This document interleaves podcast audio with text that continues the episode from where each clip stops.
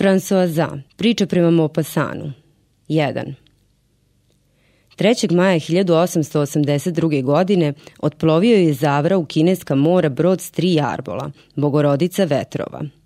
Svoj tovar iskrcao je u Kini, uzeo tamo novi tovar, otplovio s njim u Buenos Aires i tamo ukrcao novi tovar za Brazil – plovidbe, kvarovi, opravke, usidrenja od nekoliko meseci, vetrovi koji su odnosili brod daleko od puta, različite okolnosti i nesreće na moru zadržali su ga toliko da je četiri godine plovio po tuđim morima i tek je 8. maja 1886. godine pristao u Marse s tovarom limenih sanduka sa američkim konzervama.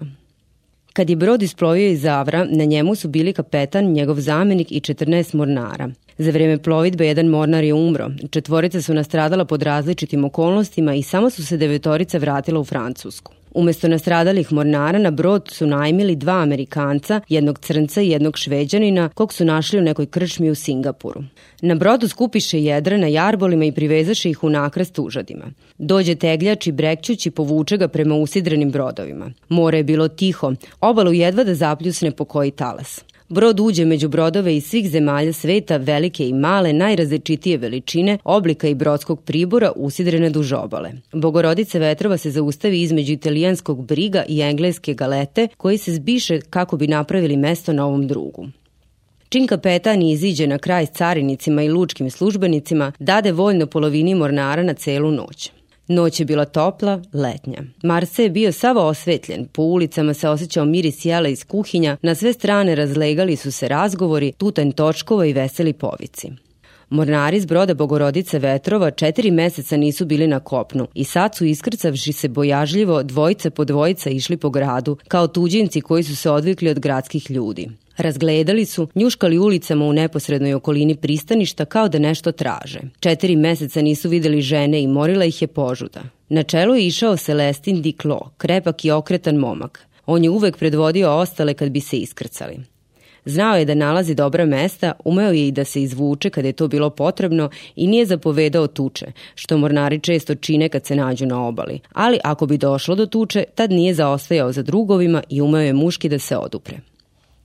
Dugo su se mornari vrzmali po mračnim ulicama, koje su se kao slivnici spuštale prema moru i u kojima se širio težak zadak iz podruma i ostava.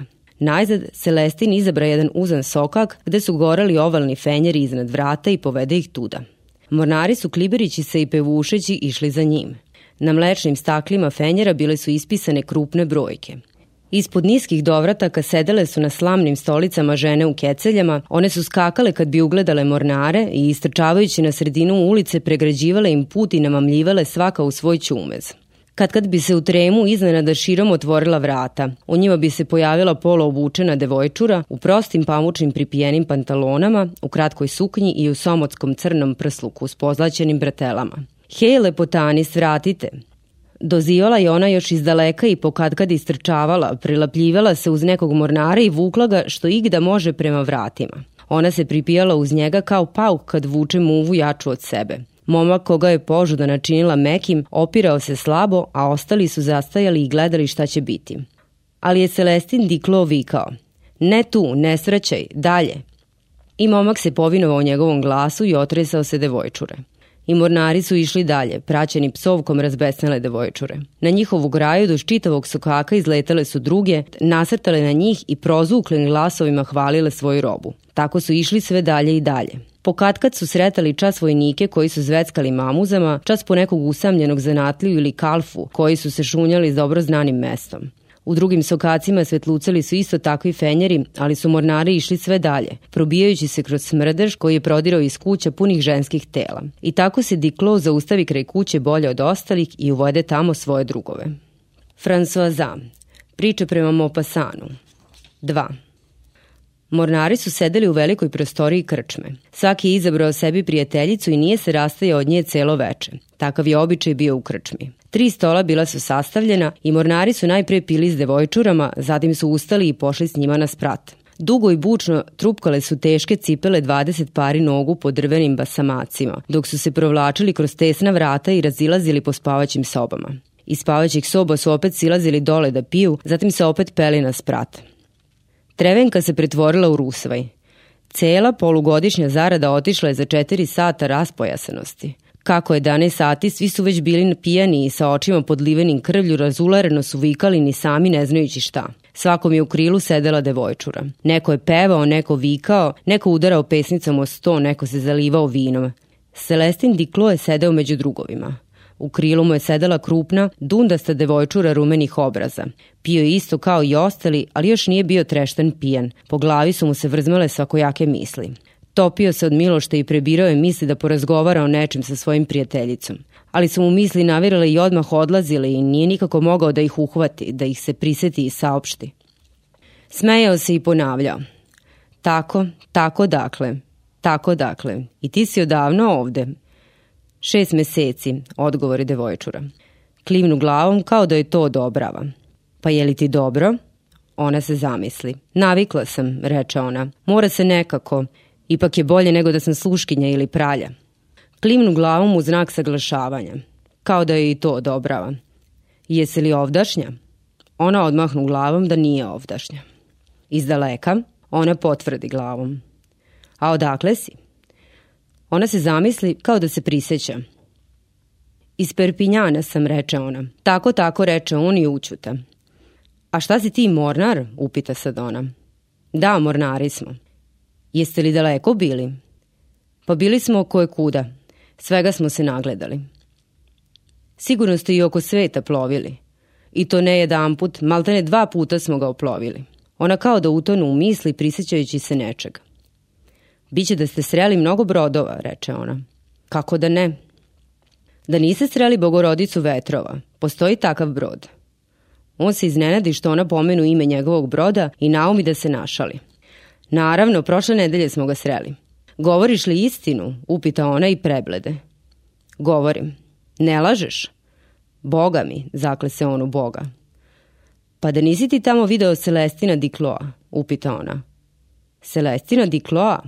Ponovi on i začudi se i čak uplaši. Otkud ona zna njegovo ime? Zar ga ti poznaješ? Upita on. Očito da se i ona nečeg uplaši. Ja ga ne poznajem, ali ga jedna žena odavde poznaje. Koja žena iz ove kuće?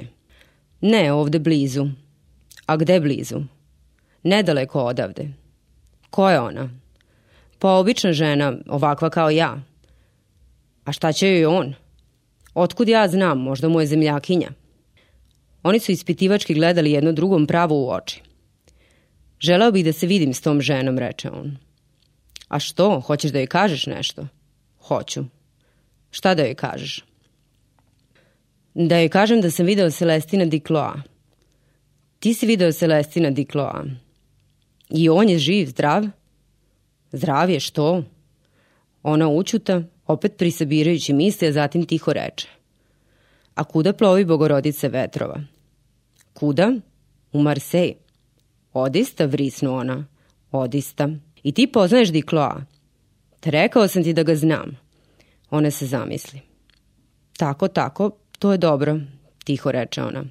Šta će ti on? A ako ga vidiš, reci mu, ne, ne treba. Ta šta? Ne, ništa. Gledao je sve više i više ga je obuzimao nemir. Da ga ti možda ne poznaješ, upita on. Ne, ne poznajem ga. Pa šta će ti on? Ona ne odgovori, na jednom skoči i otrča do šanka za kojim je sedela gazdarica, uze limun i seče ga, iscedi u čašu, zatim nali vodu i pruži Celestinu. Dela popi, reče ona i sede kao što je sedela i ranije njemu u krilo. Šta će mi ovo, upita on uzimajući od nje čašu. Da se otrezniš. Zatim ću ti reći, pi. On popi i rukavom obrisa usne. Pa, govori, slušam te. Nećeš mu reći da si me video, nećeš mu reći od koga si čuo to što ću ti reći. Ma neću mu reći. Zakuni se u Boga. Zakle se u Boga. Boga ti? Boga mi. I onda mu reci da mu je umro otac i da mu je umrla majka i da mu je umro brat. Vrućica je bila. U roku od mesec dana sve troje su umrli. Diklo osjeti kako mu sva krv navira u srce. Nekoliko časaka sedao je ćutke, ne znajući šta da kaže, zatim reče, da li tačno znaš? Tačno. Ko ti je rekao? Ona mu stavi ruke na ramene i gledaše ga pravo u oči. Zakuni se u Boga da nećeš izbrbljati. Pa kunem se, Boga mi. Sestra sam mu. Françoisa, vrisnu on. Ona ga je netremično gledala i jedva čujno pokrete usne, gotovo ne izgovarajući reči. Da to si ti, Celestine. Nisu se micali, zamrli su u položaju u kome su se našli, gledajući jedno drugom u oči. A oko njih su ostali urlali pijanim glasovima. Zveket stakala, lupanje šakama i petama i vriskava cika žena mešali su se s drekom pesme. Kako je to moguće? Tiho, tako tiho reče on, da čak i ona jedva razbra njegove reči. Njoj na jednom navreže suze na oči. Pa tako, umrli su. Svo troje za mesec dana, nastavi ona. Šta sam mogla raditi? Ostala sam sama. Za apoteku, pa za doktora, za sahranu troje. Prodala sam sve stvari, platila i ostala sa onim što sam imala na sebi. Unajmila sam se kao sluškinja kod gospodina Kašoa. Sećaš se onog Ćopovog? Samo što sam napunila 15 godina, tad nisam imala još ni 14 kad bi se otišao. S njim sam zgrešila. Glupe smo ti mi žene. Zatim sam se unajmila kao dadilja kod beležnika i s njim isto. Najpre me je izdržavao i iznajmio je za mene stan, ali ne za dugo. Napustio me, tri dana nisam imala šta da jedem, niko me nije hteo primiti, a dospela sam ovamo kao i ostale. Govorila i suze su joj potokom tekle iz očiju, iz nosa, kvasile obraze i slivale se u usta. Šta smo to učinili, reče on. Mislila sam da si i ti umro, reče ona kroz suze. Zar sam ja to želela, prošepta ona. Kako me nisi prepoznala, isto tako šapatom reče on. Ne znam, ja nisam kriva, nastavi ona i brizna u plač. Zar sam te ja mogao prepoznati? Zar si ti bila takva kad sam otišao? Kako me nisi prepoznala? Ona očajno odmahnu rukom. Ah, ja tih muškaraca toliko vidim da su mi svi jednaki. Srce mu se stezalo tako bolno i tako jako da je želao da viče i urliče kao dečak kad ga tuku. On ustade, odgurno je od sebe i uhvativši svojim velikim mornarskim ručerdama njenu glavu, netremice se zagleda u njeno lice. Malo po malo prepozna da u njoj najzad onu malu vižastu i veselu curicu koju je ostavio kod kuće sa onima kojima je ona sklopila oči. Tačno, ti si Françoisa, moja sestra, reče on. I na jednom ridanje, teško ridanje čoveka nalikne štucanje pijanice, navre iz njegovog grla. Pustio je glavu, lupi u sto tako da se čaše preturiše i razbiše u param parčad i povika pomamnim glasom. Njegovi drugovi se osvrnuše prema njemu i upreše poglede u njega. Pazi kako se natreskao, rekoše jedni. Imaćeš kad da urlaš, reče drugi. Hej, Diklo, što urlaš? Hajdemo opet na sprat, reče treći, vukući jednom rukom Celestina za rukav, a drugom grleći oko svilanog ružičastog otkopčanog struka svoju kikotavu za rumenalu prijateljicu sa sjajnim crnim očima. Diklo na jednom učuta i priguživši disanje upre u oči u drugove. Zatim sa onim čudnim i odlučnim izrazom lica kojim se ponekad uplitao u priču, povodeći se priđe mornaru koji je grlio devojku i udarivši rukom između njega i devojke razdvoji. Gubi se, zar ne vidiš, ona ti je sestra. Sve su one nekom sestre. Evo i ova, to je moja sestra Françoisa. Ha, ha, ha. Zajeca on jeca ima nalik na kikot i povede se, podiže ruku i tresnu čeomice na pod i stade se valjati po podu, treskajući po njemu i rukama i nogama, hropćući kao samrtnik. Treba ga staviti da spava, reče jedan od drugova, inače bi ga na ulici mogli strpati u zatvor. I oni podigoše Celestine i odvukoše na spratu Fransoazinu sobu i staviše ga u njen krevet.